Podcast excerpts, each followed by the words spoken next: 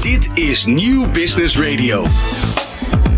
Ja, heel hartelijk welkom bij het programma Data in Bedrijf. Het programma waarin een New Business Radio samen met GS1 inzichten, kennis en praktijkervaringen delen over hoe we met excellente productdata uh, bedrijfsprocessen efficiënt, duurzaam en transparant maken. En uh, deze keer in Data in Bedrijf hebben we het thema het nieuwe normaal, een assortiment van circulaire producten. Want steeds meer bedrijven tillen hun duurzaamheidsactiviteiten naar een hoger niveau. En dat is ook nodig als in 2050 de Nederlandse economie volledig circulair moet zijn. De transitie naar een circulaire economie is een van de grootste opgaven waarvoor we als samenleving staan. Van inzamelen, recyclen, hergebruik en een assortiment van circulaire producten. Dat wordt het nieuwe normaal. Het is een transitie die gepaard gaat met een enorme data-explosie. Europa ziet daarin uh, het digitale productpaspoort als een cruciale rol, althans een cruciale rol spelen.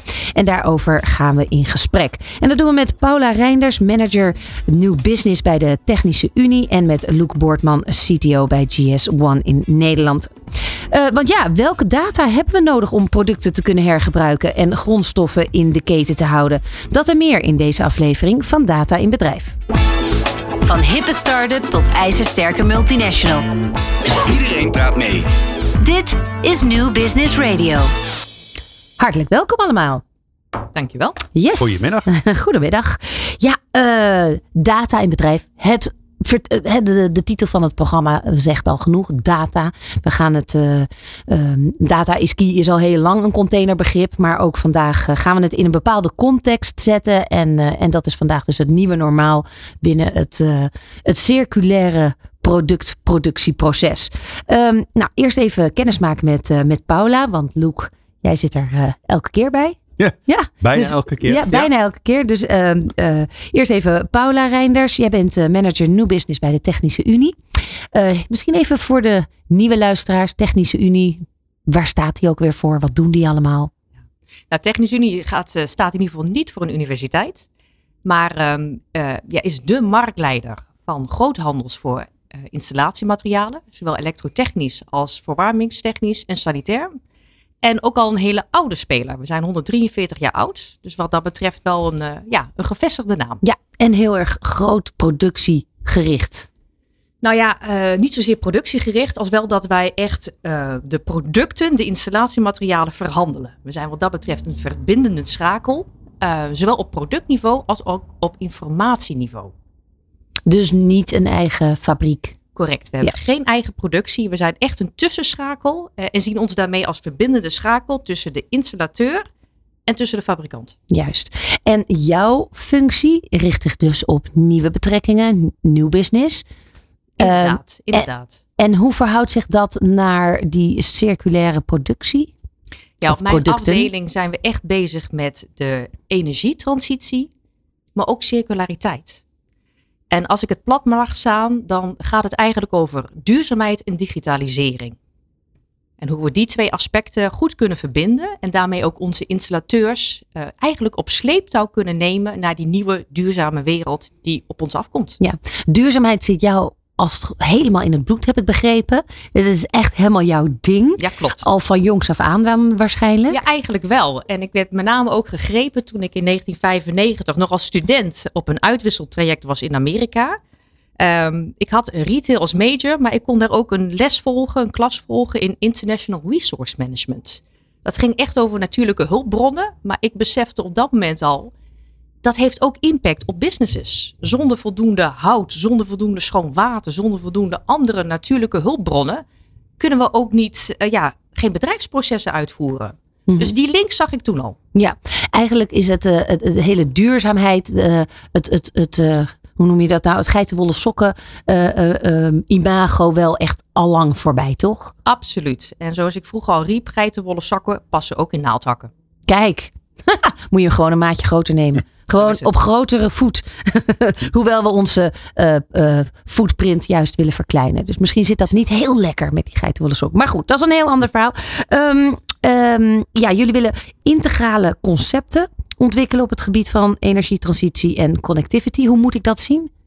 Um, in die duurzame wereld, een echt duurzaam gebouw is een combinatie van technieken. Je redt het niet alleen met zonnepanelen, je redt het niet alleen met een warmtepomp. Het zijn juist die verschillende technieken die met elkaar moeten samenwerken. Waarbij je ook een stukje van energiemanagement nodig hebt, die al die verschillende oplossingen aansturen. En die integratie van diverse categorieën eh, en die aansturing, ja, dat is waar we ons hard voor maken. Ja, en op welke manier uh, werken jullie samen met uh, GS1? GS1 is een grote, ja, is eigenlijk de standaard voor data. Uh, ook in onze branche, hoewel in onze branche wij ook heel veel werken met de ETIM-classificatie. Uh, maar ja, daar zitten ook heel veel raakvlakken tussen. Ja. Absoluut. Ja, want Loek, welkom. Fijn dat je er weer bent. Jij bent de CTO, de Chief Technology Officer bij uh, GS1. Even voor de nieuwe luisteraars. Uh, GS1 is als bedrijf? Uh, GS1 is een uh, not-for-profit organisatie met leden. Die, uh, zo'n 33.000 in Nederland, die bij ons zijn aangesloten grotendeels voor het identificeren van producten. Gewoon in gewone mensentaal, de barcode. Ja. Dat is de grootste klantengroep. En wij. Iedereen die een product gaat produceren, met een barcode komt automatisch bij jullie terecht. Ja, komt bij ons terecht. Eh, en uh, via de code die daarop staat, kan je allerlei informatie in een bestand daarachter beschikbaar stellen. Ja. Het is een soort sleutel naar een grote set aan data. Uh, die door de fabrikanten vaak worden aangeleverd. En die door andere partijen kunnen worden geraadpleegd als ze aspecten van zo'n product, gegevens van zo'n product. Ja. En in de eerste instantie was een, was een barcode natuurlijk bedoeld eigenlijk voor de voorraden. Voor de voorraden en de prijs. Hè. De, de, ah ja, eh, eh, vroeger, eh, ik, ik kan me dat zelf ook nog wel herinneren. Ja, als je dan een klusje had in een winkel, dan ging je met een prijsstang langs de schappen. En dan prijsde je alle producten zo. Um, nou, daar zijn we van afgestapt. De, de prijs zit in de kassa. En om de kassa de prijs te laten afdrukken op de kassabon, uh, is er een code ontwikkeld die de kassa leest. En die dan de juiste prijs en een goede omschrijving voor de kassabon ja. print. En eigenlijk uh, zit daar ook een, een, een, een, nou ja, die, die scan als het ware, die levert dusdanig hoeveelheid data zou die kunnen opleveren. Dat eigenlijk nu ook een soort transitie gemaakt wordt naar de consument. Ja, ja ik, uh, omdat je CTO bent, moet je dan even nauwkeurig formuleren. In de code zit alleen maar een getalletje. De, de kunst is om dat getalletje te verbinden met een grote set aan data in de computer, in de kassa of eigenlijk op het hoofdkantoor, laat ik het zo maar even zeggen. Uh, waarmee je dus allerlei gegevens van die code van dat product kan uh, ophalen en kan vastleggen en kan delen met elkaar. En, uh, en op die manier brengen we dus als organisatie de reis van een product door de keten heen in kaart. Ja. Met alle zaken die daar ook tijdens die reis gebeurt. Ja, nou dat is inderdaad, de consument is daarin natuurlijk ook veel kritischer geworden. Die wil vandaag de dag ook weten waar de grondstoffen vandaan komen, hoe ze geproduceerd worden, hoe duurzaam en uh, mensenrechtlievend het is. Um, gaan we straks verder over praten. We zijn ook de straat op gegaan. Um, om, uh, om te horen of men dat ook wel wil weten. Maar goed, uh, door, door, door de regelgeving ook vanuit Brussel uh, is er ook een noodzaak en een verplichting op komst. Nog heel even terug naar jou, Paula. Uh, het inspiratiecentrum duurzaamheid, dat is jouw paradepaardje. Ja, daar zijn we in 2017 mee begonnen. Dus dat is ook alweer nou, vijf jaar geleden. Maar echt om ook aan installateurs duidelijk te maken in die energietransitie, waar hebben we het nou over? Als we een gebouw uh, nul op de meter willen maken, waar moet je aan denken? Welke producten, welke technieken en hoe kan dat samenwerken? Dus dat zijn we daar echt aan het visualiseren. Maar we zijn nu ook heel hard aan het nadenken over de volgende stap. En dan gaan we weer meer richting ook uh, eh, IT en energiemanagement. Want je hebt een stukje software nodig om al die technieken aan te sturen. Ja. Dus we blijven volop in beweging. Ja. Um, dat dit een data-explosie oplevert, dat is gewoon uh, een, ja. een simpele optelsom. Daar gaan we het zo over hebben. Van hippe start-up tot ijzersterke multinational. Iedereen praat mee. Dit is New Business Radio. Als je business dus straks niet circulair is, wordt het erg lastig om in de nieuwe economie überhaupt mee te doen. Van een assortiment van circulaire producten tot verspilling tegengaan door producten in te zamelen, te recyclen en opnieuw te gebruiken. Het wordt allemaal het nieuwe normaal. Um, dat gaat natuurlijk gepaard met data, data, data. Er komt steeds meer vrij en los. En nou ja, hoe kunnen we dat nou efficiënt inzetten? Welke uh, data hebben we eigenlijk ook nodig om producten te kunnen hergebruiken en grondstoffen in de keten te houden? Dat is de vraag eigenlijk van vandaag. Um, niet alleen dat ze vanuit Europa, vanuit de wetgeving in Brussel, um, daarin gedwongen worden, maar je moet het als ondernemer ook willen, toch? Loek? Absoluut. Absoluut. En heel veel ondernemers willen het ook graag. Hè? Nemen komen, die verantwoordelijkheid. Er ja. komen steeds meer uh, sustainable producten op de markt. Ja, uh, het begint in het, al in het DNA van, het, van, van de ideeën die bedacht worden. Absoluut, want iedereen ziet natuurlijk de noodzaak hiervoor. Ja. Uh, en uh, ja, dan is de wetgeving daar ook een, een afspiegeling van die noodzaak. Nou, de grootste opgave van bedrijven is inderdaad de Nederlandse economie in 2050 volledig circulair te krijgen. Als we even kijken, we zijn nu nou, bijna 2023. 2030 is daar nog een, een soort van tussenstap in ja, er wordt steeds gezegd, nou ja, het gaat krap worden. Het is ja. maar de vraag of we het gaan halen. Wat is jouw, jouw visie daarop? Het is heel krap. Het is echt heel krap. Um, want ja, als je het zo uitspreekt, denk je, nou, dat is dan uh, tot de eerste regulations vanuit Europa komen 2027. Joh, tijd zat. Hmm. Nee, maar denk nou maar eens terug. Want uh, als je kijkt naar de data die je moet gaan delen, dan is het niet alleen de productdata. Het is ook de data over het gebruik. Neem even het voorbeeld van een spijkerbroek. Daar zou je dan dus een uh, businessmodel op kunnen zetten waar je de spijkerbroek huurt en niet meer eigenaar bent van de Mhm. spijkerbroek. Die nou, toevallig las ik, uh, kreeg ik gisteren een mailtje van H&M die dat nu voor de feestcollectie gaan doen. Precies, ja. precies. Dat is dus niet toevallig. Dat, dat gaan de bedrijven ook echt inzetten. Nou, dat begint het al. Hè? Businessmodel opzetten. Vervolgens uh, moet je de broek zelf gaan identificeren en gaan bijhouden hoe vaak die gewassen is. Hoe vaak die uitgeleend is. Of er misschien een rits veranderd is, gewijzigd is. Of, of, een ander uh, uh, onderdeel vervangen is. Nou, bij broeken is dat best voor te stellen. Maar ook van een laptop zal je dat moeten doen. Van een telefoon. Van een waterpomp. En dat is een enorme hoeveelheid data die je dus moet gaan opslaan. Ja. Hè? Want zo'n spijkerbroek bestaat ook al een paar jaar. Uh, je moet al die gegevens gaan bijhouden, gaan delen. Uh, je moet nog een, met elkaar afspreken welke data precies voor welk product moet worden uh, ja, uitgewisseld. Is daar ruimte voor? In de cloud. Oh, en, ja, nou, wat we dus al meteen hebben gezegd is, wat we niet gaan en doen. En de datacenters, hè, bedoel ja, ik dan. Ja, wat we dus niet gaan doen, is alles op één centraal punt verzamelen. Gaan we niet doen. Het uh, model wordt dat je een gedistribueerde dataverzameling krijgt. Dus uh, ook hier weer, de bedrijven zelf houden in hun eigen uh, datacenter al ja. veel van deze productgegevens vast. En als we het nou voor elkaar krijgen om die bestanden aan elkaar te koppelen. En bij een consument of bij een recycler of bij een kledingmagazijn uh, op te halen op het moment dat ze het nodig hebben. Dan hebben we dus voorkomen dat we één grote database moeten gaan bouwen met al die data van al die jaren en al Ja. die gebruik erin. Maar dan wel vanuit een open source structuur. Absoluut, want ja, er, er zijn allerlei fabrikanten van eh, ritsen en knopen en spijkerbroeken. En nou, zeker als je dan gaat bedenken dat zo'n stof misschien wel weer gebruikt wordt in de automobielindustrie als bekleding van de stoel. Dan krijg je dus een hele andere keten die ook informatie wil weten over Ja. de kwaliteit van. Nou, Het klinkt wel als echt op een gegeven moment eh, iets waar je door de boom het bos niet meer ziet. Ja, dus we moeten het stap voor stap aanpakken. het is wel een uitdaging. eh, dat is nog zacht uitgedrukt. Ja, maar dat is dus misschien ook wel een beetje de- het antwoord op van is 2027 nog niet ver genoeg weg?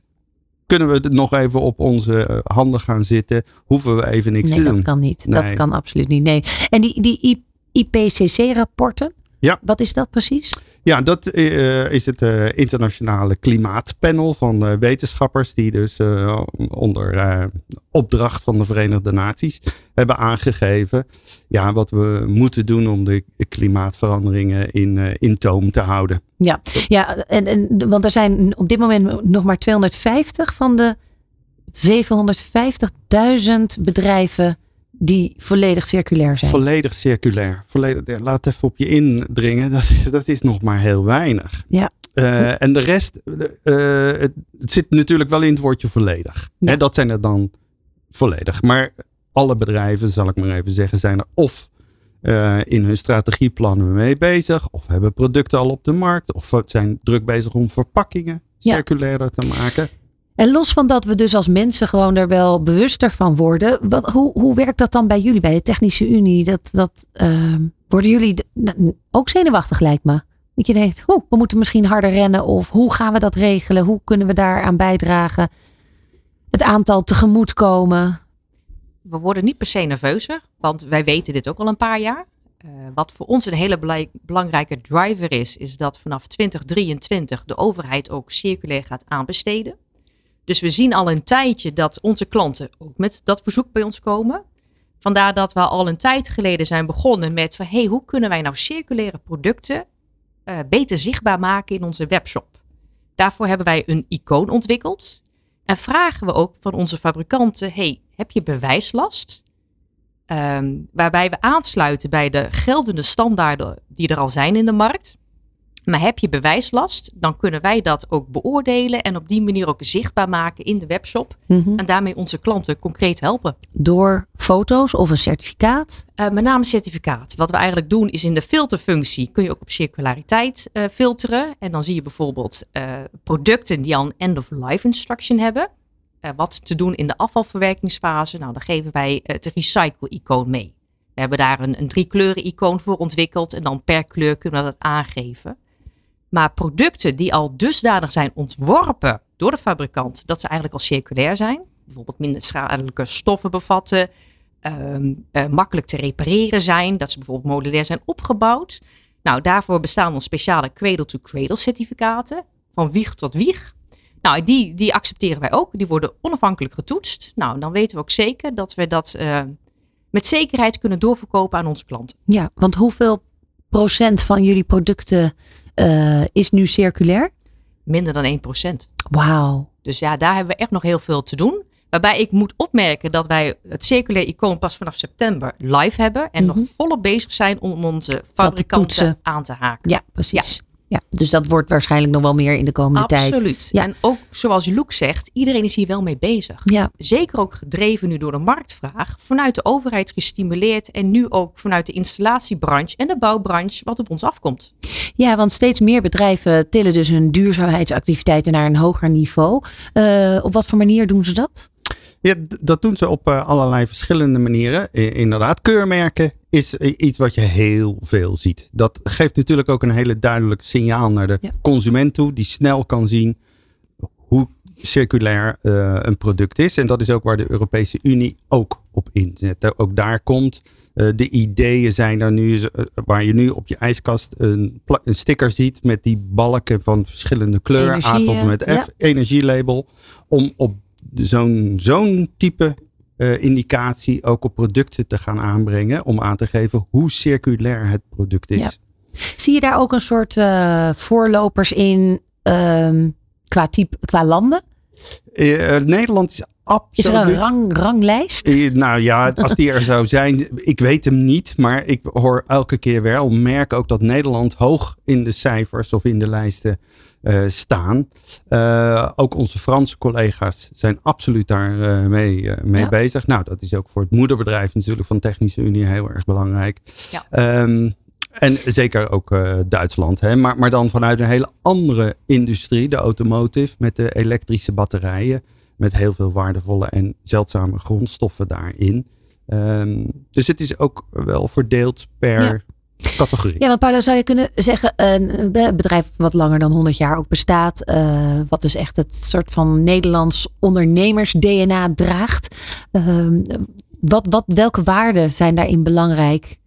die te maken hebben met die duurzaamheid? Ja, familiebedrijf is echt wel met name op de lange termijn gericht. En uh, ik, ik, moet eerlijk bekennen dat wij sinds 1980 ook een volledig onderdeel zijn van onze Franse moeder, Sonnepar. Maar ook dat is een familiebedrijf. Dus echt met een lange termijnvisie. En zeker nu ook de jongere generatie van aandeelhouders uh, aan het roer komt te staan en echt invloed begint uit te oefenen, hebben wij onze duurzaamheidsambitie nog ja, concreter gemaakt, nog steviger. Waarbij we ook echt het uh, Parijsakkoord onderschrijven, ons hebben aangesloten bij het Science Based Targets Initiative voor maximaal anderhalve graad opwarming. Ja, nou die, dat, dat, dat familiebedrijf uh, onderdeel, dat, uh, daar gaan we natuurlijk nog strakjes uh, verder over praten. Want um, dat maakt misschien wel die bewustwording. Ik vind dat bijzonder, dat, dat, dat verschil tussen de familiebedrijven en, en nou ja, misschien wel de startende bedrijven ook wel. Hè? De, jonge, de jonge generatie ja. die nu start heeft dat heel sterk. De familiebedrijven, daar gaan we straks wat verder over praten. Um, dus de aanpak zit hem eigenlijk in, in die tussenliggende bedrijven. Die misschien al, al een soort van ja, in een oud stramien zitten.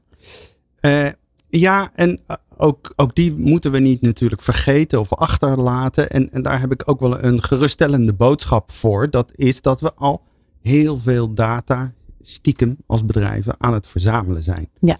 De kunst wordt uiteindelijk om die koppelingen te gaan dus, leggen. Dus data is key, is inmiddels data is gold. Ja, absoluut. Ja. We gaan, uh, we gaan zo wat uh, stellingen voorleggen aan jou, Paula. En natuurlijk uh, verder praten over de familiebedrijven. Blijf luisteren.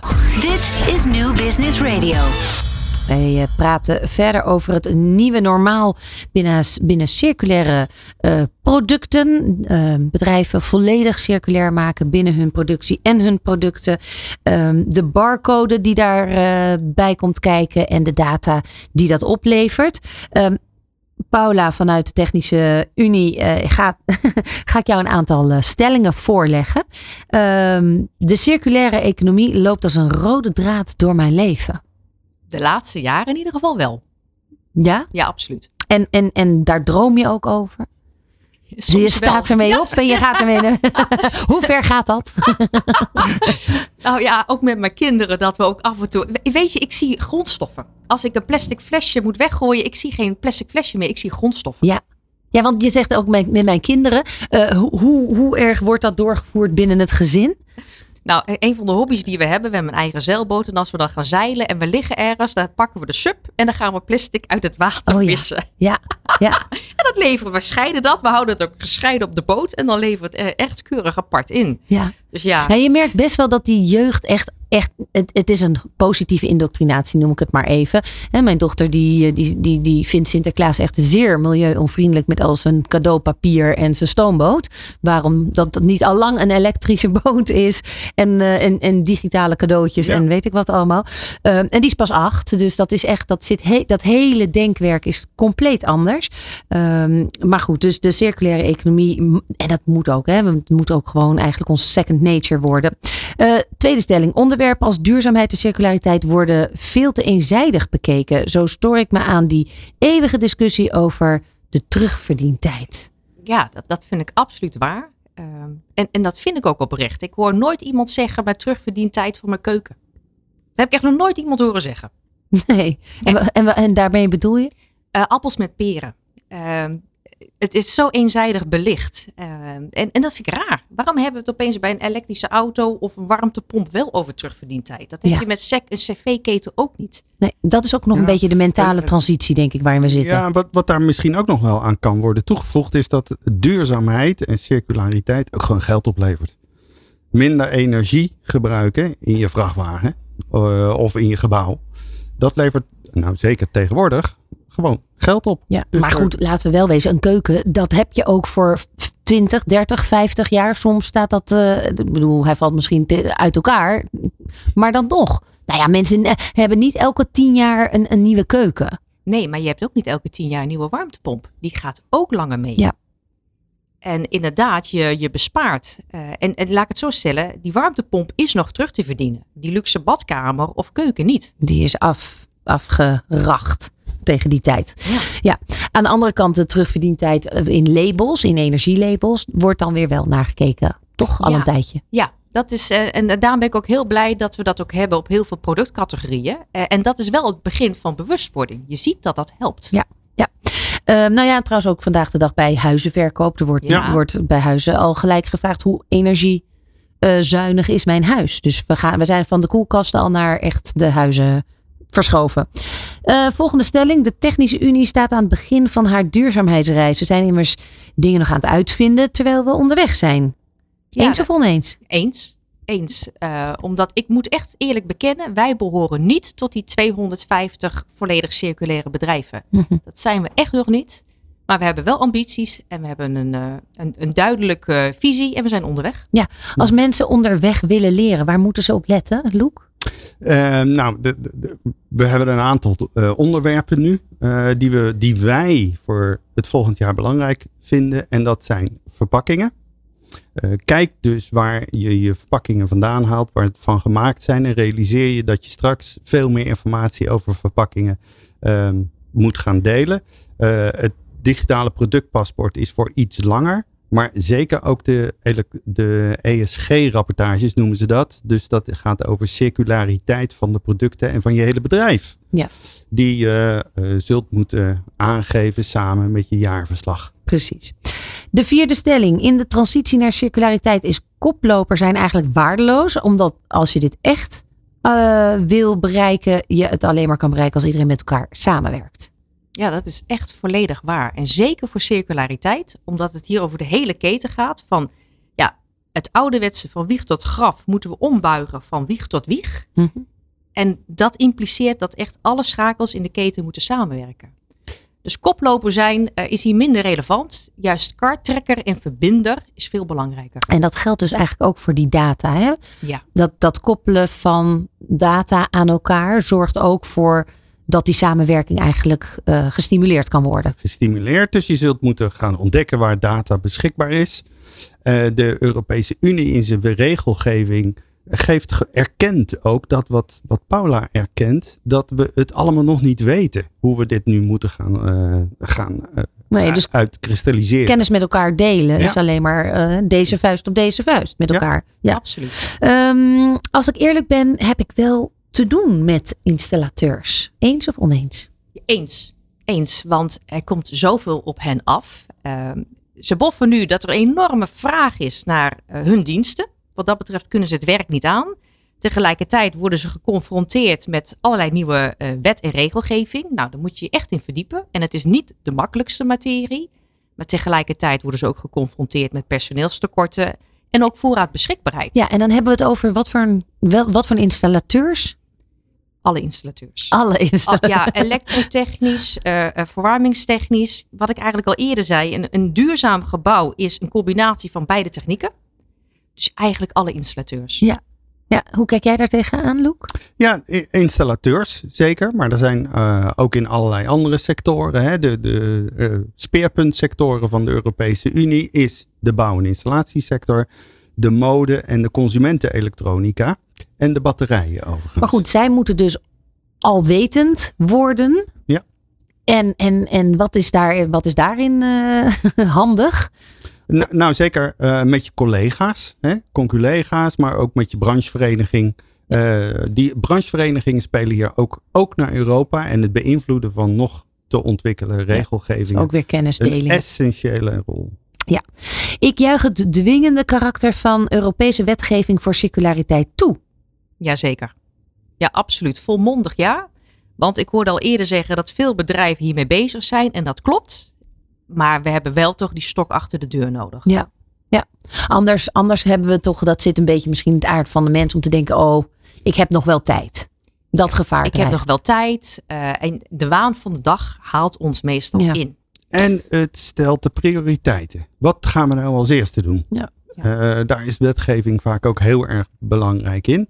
En dat we het allemaal met dezelfde eisen moeten doen. Dus Ja. dat er geen verschillen gaan ontstaan tussen partijen die misschien een klein voordeel hebben, door wat voor omstandigheid dan ook. Misschien de locatie waar ze gevestigd zijn.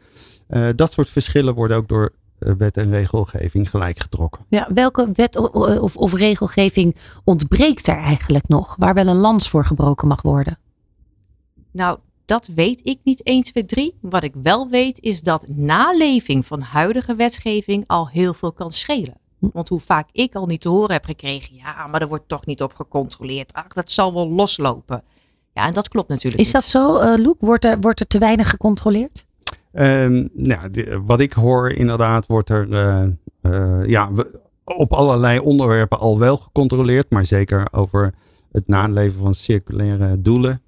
Daar zou nog wel wat Ja. meer controle op kunnen. Ja. Dus je, je kunt natuurlijk eh, met het vingertje wijzen van jongens, dit moeten we gaan doen. We zetten er een, een, een wet op. Dit, dit, hè, maar het daadwerkelijk naleven en, en misschien ook wel ehm, bijna agile eh, bepaalde punten halen. Ja, ja. Eh, eh, misschien schiet me nu een voorbeeld van dat, van dat controleren binnen. En dat gaat vooral bijvoorbeeld over chemische stoffen. Mhm. Over eh, sterk vervuilende, gifti- giftige en kankerverwekkende stoffen. Die zijn allemaal bekend. En die zullen dan bijvoorbeeld naar die verpakkingen weer ook inderdaad moeten worden opgegeven. Conform wat erin zit.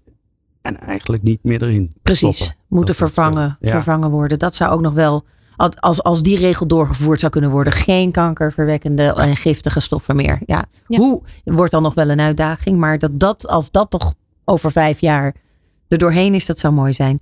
Ehm, zonder digitalisering is een duurzame waardeketen onmogelijk te realiseren. Ja, eens. Het wordt wel eentonig, maar eens. ik, ik geloof ook echt dat digitalisering en duurzaamheid hand in hand gaat. Eh, meten is weten. En zonder digitalisering kan dat niet. Tot slot ehm, de stelling: ik hoop dat alle bedrijven snel het fear of missing out gevoel krijgen als ze geen gebruik maken van eh, standaard, eh, standaardisatie om data te delen. Ja, ook eens. Ehm, ik denk dat die standaardisatie, dat is in ons aller belang.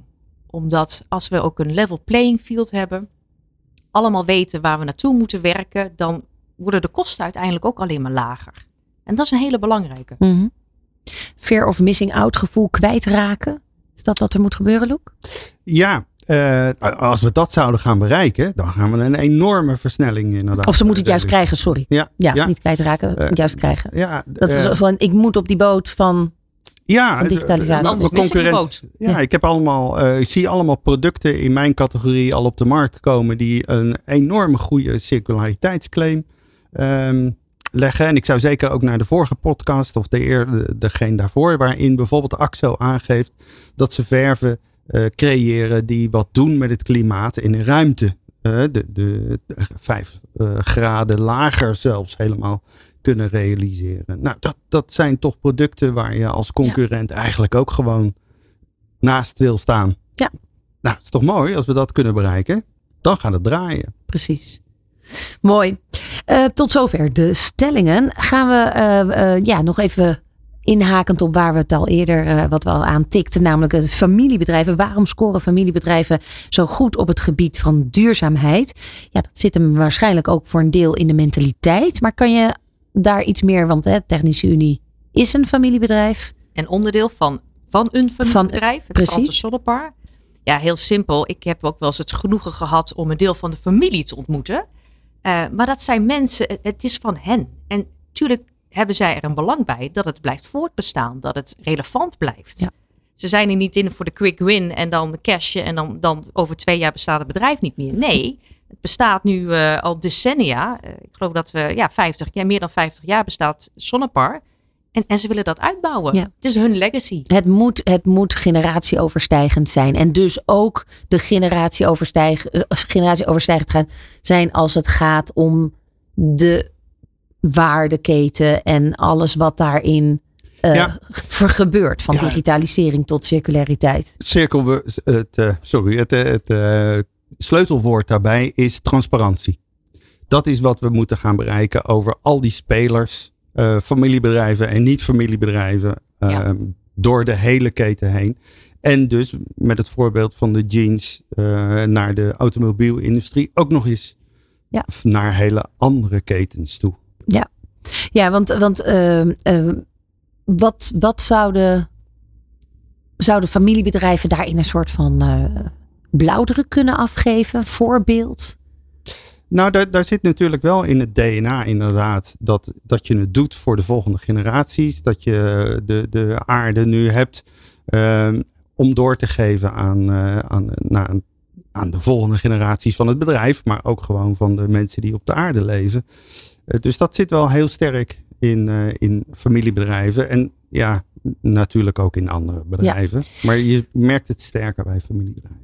Um, jij gaf net al aan 1% van jullie totale bedrijf is volledig circulair. Ja, van het productassortiment. Ja, maar dat, dan hebben we het wel over iets van 10.000 circulaire producten. Ja, ja, zoveel hebben we er nu. Uh, en we hebben echt, nou, ik geloof 150.000 artikelen op, op voorraad. Dus dat is echt wel heel veel. En we kunnen nog meer ontsluiten via onze uh, webshop. Dus ja, er is wel absoluut een, een, lange weg te gaan. Maar wat je ook ziet, dat het opeens ook heel snel kan gaan. Dat uh, verschillende diverse grote fabrikanten uh, ook echt stappen zetten. En ja, dan kan het opeens ook heel snel dan gaan. Dan kan het snel. Um, die, die, uh, die code, die barcode, dat, dat wordt strakjes een soort van. Ja, een soort paspoort, hè? Ja. Zouden we kunnen zeggen. Uh, hoe, moet ik, hoe, hoe moet ik me dat voor me zien? En, nou, we beginnen dan inderdaad een vergelijking te trekken tussen een uh, gewoon paspoort, zoals je dat hebt als je op Schiphol of op een andere vluchthaven je bij uh, de marechaussee meldt en naar een ander land gaat. Daar staat op wie je bent. Het is dus een identiteitsvertegenwoordiger en daar staan een aantal sleutelbegrippen op. Je lengte, je, uh, je, waar je geboren bent en waar het paspoort is uitgegeven. Oké, dan kan je je ook voorstellen dat je eenzelfde papier voor een product zou willen hebben. Nou, we gaan dat dus niet op papier doen. We gaan dat in bestanden, in digitale vorm gaan we realiseren. Dan komen er verschillen met een paspoort. Want in een paspoort, als je, ja, zou maar zeggen, onder, aan slijtage onderhevig bent, komt dat niet in je paspoort te staan. Uh, hè, je haarkleur of andere dingen die veranderen. In een gewoon mensenpaspoort verandert dat niet. In een digitaal productpaspoort moet je dat gaan opnemen. En moeten er partijen zijn die dus gaan aanvullen mm -hmm. aan het paspoort. Ja, die die informatie steeds aanpassen. En steeds weer aanpassen. Ja, iedereen moet dus in het document kunnen. Iedereen moet erin kunnen, die moet kunnen uh, aanvullen, die moet het ook steeds over hetzelfde product hebben. Hè? En dan komen we weer op die barcode. Dat is toch wel handig dat er dan elke keer een dezelfde barcode op staat, die steeds naar hetzelfde product verwijst. Dat je niet iemand anders product aan het aanvullen bent. Ja. Um, en dan uh, nog een stap verder is dat je dus ja, ook wel in een mensenlichaam uh, onderdelen kan vervangen. Dat kan dus ook met producten. En die moet je ook weer terug in het paspoort gaan opnemen. Lijkt me een helft job om dat betrouwbaar te krijgen. Ja, dat is dus inderdaad. Uh, Even los van de hoeveelheid data die ja. er vrijkomt en die super waardevol is. Dat, Ja. dat, dat, dat snap ik. Ehm, maar hoe, hoe krijg je dat, die transparantie helder of, of, of, en, en betrouwbaar Ja. met name? Ja, nou, keurmerken is op dit moment het middel om betrouwbaarheid weer te geven. Ehm, wat wij zien in de database die we hebben gemaakt voor de levensmiddelensector, is dat wij ook echt controleren of de data die daarin staat, klopt met wat er op het etiket staat. Dus er zullen instanties zijn die die betrouwbaarheid gaan helpen garanderen. Die zullen overheidsgerelateerd zijn, maar ook sector of weer via die branchevereniging die ik al eerder noemde, zullen er dat soort functies nodig zijn om inderdaad het vertrouwen te geven dat je Precies. ervan op aan kan Ja. dat wat er in het product Ja. staat ook echt klopt met de werkelijkheid. Wat we al zeiden, los van eh, de doelstellingen die we milieutechnisch hebben vanuit de overheid, eh, is de mens, de, eind, de eindgebruiker, de consument ook steeds meer zich bewust. Kijkt wat meer op de achterkant van een verpakking. Of dat nou voor een cosmetica merk is. Er staan nog steeds allerlei termen die we niet snappen. Maar, eh, of grondstoffen waar we geen weet van hebben wat ze betekenen. Dus nou ja, de vraag is, zit de consument ook op die, eh, die informatie te wachten? Ehm, en daarvoor zijn we de straat op gegaan. Dat is op zich wel handig. Want dan kan je gewoon direct bekijken wat ergens in zit. In plaats van dat je iets op moet zoeken of moeilijk moet, ja, ergens moet vinden. Eh, het kan gewoon veel meer informatie bevatten dan wat er ook op het bak komt te staan. Dus ja, ik denk dat het wel fijn is. Ja, top. Moeten we zeker eh, doen hier. Wordt het makkelijker. Handiger dan al die lettertjes wat nu bijvoorbeeld op een eh, melkverpakking staat of zo? Ja, zeker. Voor mij zijn ze al moeilijk te lezen. Dus ja, dan is een uh, QR-code ideaal. Ja. Ik denk als we kijken naar, het, uh, naar de hedendaagse tijd, dat het wel belangrijk is om bewust te zijn met wat, hè, wat duurzaam is. En ja, het is gewoon van, van groot belang hè, in de toekomst. Hè. We moeten natuurlijk met z'n allen ervoor zorgen dat we hier nog met z'n allen van deze planeet kunnen genieten. En um, in de IT-wereld is het natuurlijk van groot belang. Er worden veel dingen afgeschreven, uh, weggegooid. Ja, dan is het heel handig om zo'n QR-code te hebben, absoluut. Dat heb ik nooit van gehoord eigenlijk. Wat zou je ervan vinden uh, dat je eerder bijvoorbeeld een QR-code op een product kunt scannen om te kijken uh, uh, hoe duurzaam het is of wat de beste reparatiemogelijkheden zijn of hoe je het product het beste kunt recyclen? Wat vind je daarvan? Ik denk dat het een goed idee is, omdat veel mensen die, die weten niet hoe ze inderdaad iets moeten recyclen. en ik denk dat het heel veel kan schelen als je mensen gaat informeren, trainen. Uh, hoe, hoe, snel denk je dat dit uh, kan gaan gebeuren op grote, op grote schaal? Ja, dat hangt niet af van de beschikbaarheid van de QR-code, maar van de echte interesse van mensen in is iets circulair of niet. En ik denk dat daar heel veel lipservice beleden wordt, maar dat er ook weinig naar echt gekeken wordt. En dat zien we natuurlijk met heel veel recycleproducten. Want ja, het kan, maar het is niet voor mij. Ik denk dat dat iets te vaak gebeurt. Ja, nou, dat is uh, de man van de straat. Wat, wat is jouw eerste reactie, Luc, als je dit hoort? Nou, de, in een aantal reacties zie je, uh, als je er iets langer over nadenkt, toch echt wel die ondersteuning bij iedereen voor circulaire economie. De interesse in wat er allemaal te weten is over een product. vrij snelle reacties inderdaad over, ja, als we dat via een QR-code kunnen ontsluiten voor ons als consument, zou dat een geweldige oplossing zijn. En uh, Aan de andere kant hoor je ook wel van, ja, hè, voordat het menselijk gedrag dat ook echt daadwerkelijk gaat doen. Uh, ja, ja, inderdaad. Dat, dat stipt wel iets aan. Volgens mij was het de laatste persoon die wat zei. Uh, dat er heel veel informatieopleiding nodig is. Hm. Er, je, je zal consumenten dus moeten gaan informeren over welk soort plastic is nou meer recyclebaar dan een andere soort plastic. Ja. Zijn we nu allemaal nog erg bang voor om dat te gaan doen? Ja. En welke stoffen, nou ja, zo'n keurmerk gaat daar natuurlijk ook misschien wel weer bij helpen. We zijn toch symbolen en visueel ingesteld. Uh, bepaalde grondstoffen of, of productie, waar dat dan vandaan komt. Uh, ik zie jou uh, enorm ja knikken. Wat, wat vond jij van de reacties? Ja, heel goed. Maar ik vind dat we ook niet alles mogen neerleggen bij consumenten ik vind dat bedrijven hier ook echt een maatschappelijke verantwoordelijkheid hebben en die ook moeten pakken. En um, ja, in mijn ideale wereld brengen bedrijven ook alleen maar de juiste producten op de markt. Maar denk je niet dat dat hand in hand gaat? Dat als de, de, de consument dat eist en vraagt uh, en je anders ook dismist als bedrijf om daar producten van te, uh, te kopen, dan, dan krijg je gewoon, hè, dan, dan kan dat best een dwingende uh, Zeker. factor wat je zijn. Ook ziet is dat veel bedrijven dan nu ook zeggen, ja, maar dat kan niet, het is moeilijk, het is lastig. Terwijl heel vaak als de overheid dan toch dwingende wetgeving oplegt en wij wel moeten, ja, dan blijkt er opeens veel meer mogelijk te zijn. Ja. Dus het is inderdaad hand in hand. Maar ik kan het zeggen, ik denk dat het echt een samenwerking ja. van, van ook uiteindelijk die, die consument uh, moet zijn. Ja, dat, dat, dat je bewust kiest van dingen die nou ja, uh, door kinderarbeid bijvoorbeeld uh, tot stand zijn gekomen. Dat je daar gewoon niet meer voor kiest. En er was natuurlijk nog een hele tijd met, met ook met name met kleding en dergelijke. Dat het echt nog echt aan de bovenkant van het segment qua prijs zat. Waardoor het moeilijk kiezen is. Daar moet volgens mij nog een hele grote verschuiving plaatsvinden. Ja, maar die, samen, die samenwerking. Samenwerking en, en veel informatie die je dus ook weer uit de keten moet halen. En waar absolute transparantie en samenwerking voor nodig is.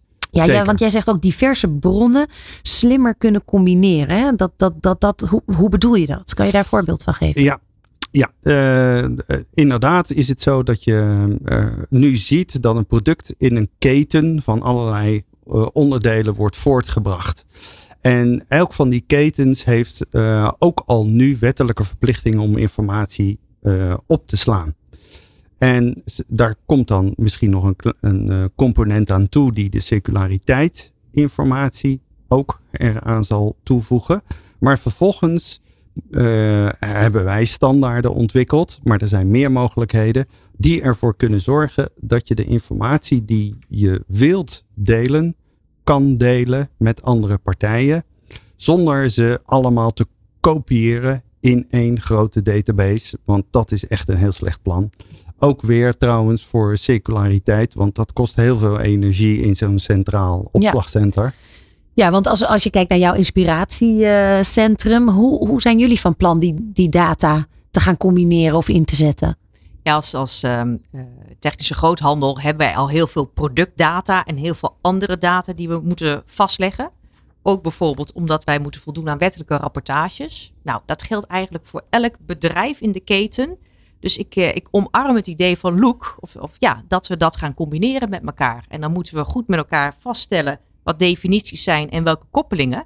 Maar daar hebben we ook diverse uh, brancheoverleggen voor. En wat bedoel je daarmee? Uh, definities zijn en hoe we die gaan koppelen? Um, nou, bijvoorbeeld een cv-ketel. Uh, dat we met elkaar wel dezelfde definities hanteren. Want veel van de fabrikanten zijn Europees actief. Nou, als er bijvoorbeeld in een ander Europees land net een andere definitie wordt gehanteerd dan in Nederland, dan ja, het is net zoals een Nederlander en een Vlaming. Maar dan bedoel je de informatie over dat product? Ja. Ja. Dus, dus dat er in de, in, in de Europese landen dat daar dezelfde uh, definities, dezelfde woorden ja. worden gebruikt. Dat is vaak nu ook gewoon een obstakel. Het, het zijn ook soms hele praktische dingen dat hetzelfde uh, anders heet of anders genoemd wordt of er wordt uh, een ander technisch component benadrukt. Um, en dat zullen we veel meer op één lijn moeten gaan brengen. Om te kunnen ontdekken dat het hetzelfde is. Ja, ja. ja en dan word je helemaal duizelig als je denkt dat bepaalde producten misschien uh, in Nederland op een bepaalde manier in een product gebruikt worden, maar ja. in uh, de UK weer op een heel andere manier ingezet worden. Dat zou zomaar kunnen. Maar daarom is het denk ik ook heel goed dat de Europese Unie hierin ook een voortrekkersrol vervult. Ja, en ik wilde nog een keer benadrukken dat ze dus uh, prioriteiten stellen in sectoren. En dat hebben ze gedaan omdat daar nou juist net veel winst te behalen is op circulariteit. Hè? Dus de bouw- en installatiesector, de modesector en de consumentenelektronica. Ja. Um, en ik, was laatst op, de, op het bedrijf en daar uh, waar, was op de IT-afdeling iemand bezig met een laptop. En als je die uh, aan de achterkant opentrekt, dan zie je heel veel componenten.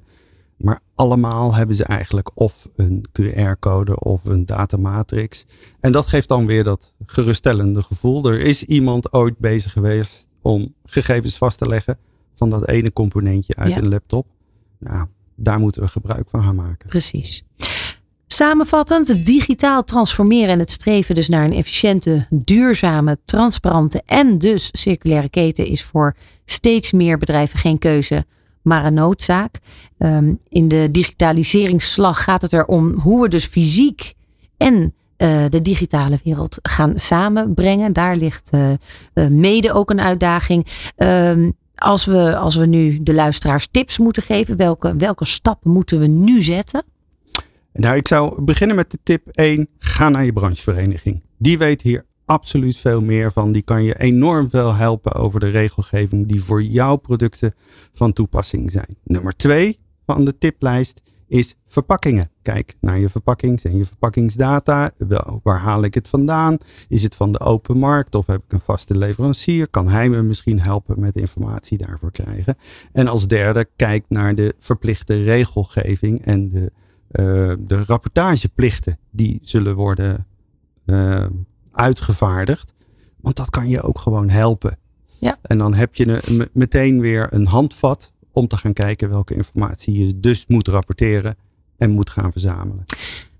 Even heel praktisch, moeten bedrijven hier een hele afdeling voor gaan inrichten? Of is dat één of twee officers die ze daarop kunnen zetten? Hoe moeten we dat zien? Volgens mij zijn hele afdelingen niet noodzakelijk. Zeker niet als je overleg hebt met je branchevereniging. Want uh, dan hoef je niet het wiel opnieuw uit te vinden en samen sta je sterk. Maar op zich wel handig om daar één persoon wel ja, op ja. te zetten, toch? Je, hebt, je moet dat borgen. Ja. Maar hoe is dat bij jullie? Uh, veel zit, uh, we hebben verschillende mensen wel op verschillende disciplines die erbij betrokken zijn. En we hebben, zijn nu ook bezig om iemand uh, ja, daarvoor vrij te maken om echt die centrale borging te doen. Ja. Jouw laatste tip voor de ondernemers of voor de luisteraars? Ja, ga aan de slag. Ga aan de slag. Ik ben het absoluut eens met Loek en zeker ook met de branchevereniging. Maar wacht niet af. Ga aan de slag. We hebben met z'n allen gezamenlijk belang, want grondstoffen worden gewoon steeds schaarser. Ja, überhaupt. Niet alleen door de oorlog in Oekraïne, maar überhaupt. überhaupt. überhaupt. Circulariteit is geen luxe. Het is uiteindelijk een noodzaak. noodzaak. helder verhaal. Nou, dank jullie wel, eh, Paula Reinders en uh, Luc Poortman, voor, uh, voor deze uitzending. Het nieuwe thema, het nieuwe normaal. Niet, niet morgen doen, maar vandaag. Dankjewel. Dank ja, jullie wel. Dankjewel. Van hippe start-up tot ijzersterke multinational. Iedereen praat mee. Dit is New Business Radio.